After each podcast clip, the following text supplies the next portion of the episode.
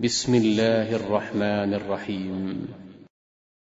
والتين والزيتون وطور سينين وهذا البلد الأمين. لقد خلقنا الإنسان في أحسن تقويم.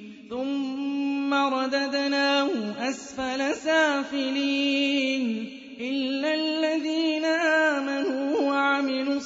الصالحات فلهم فلهم أجر غير ممنون.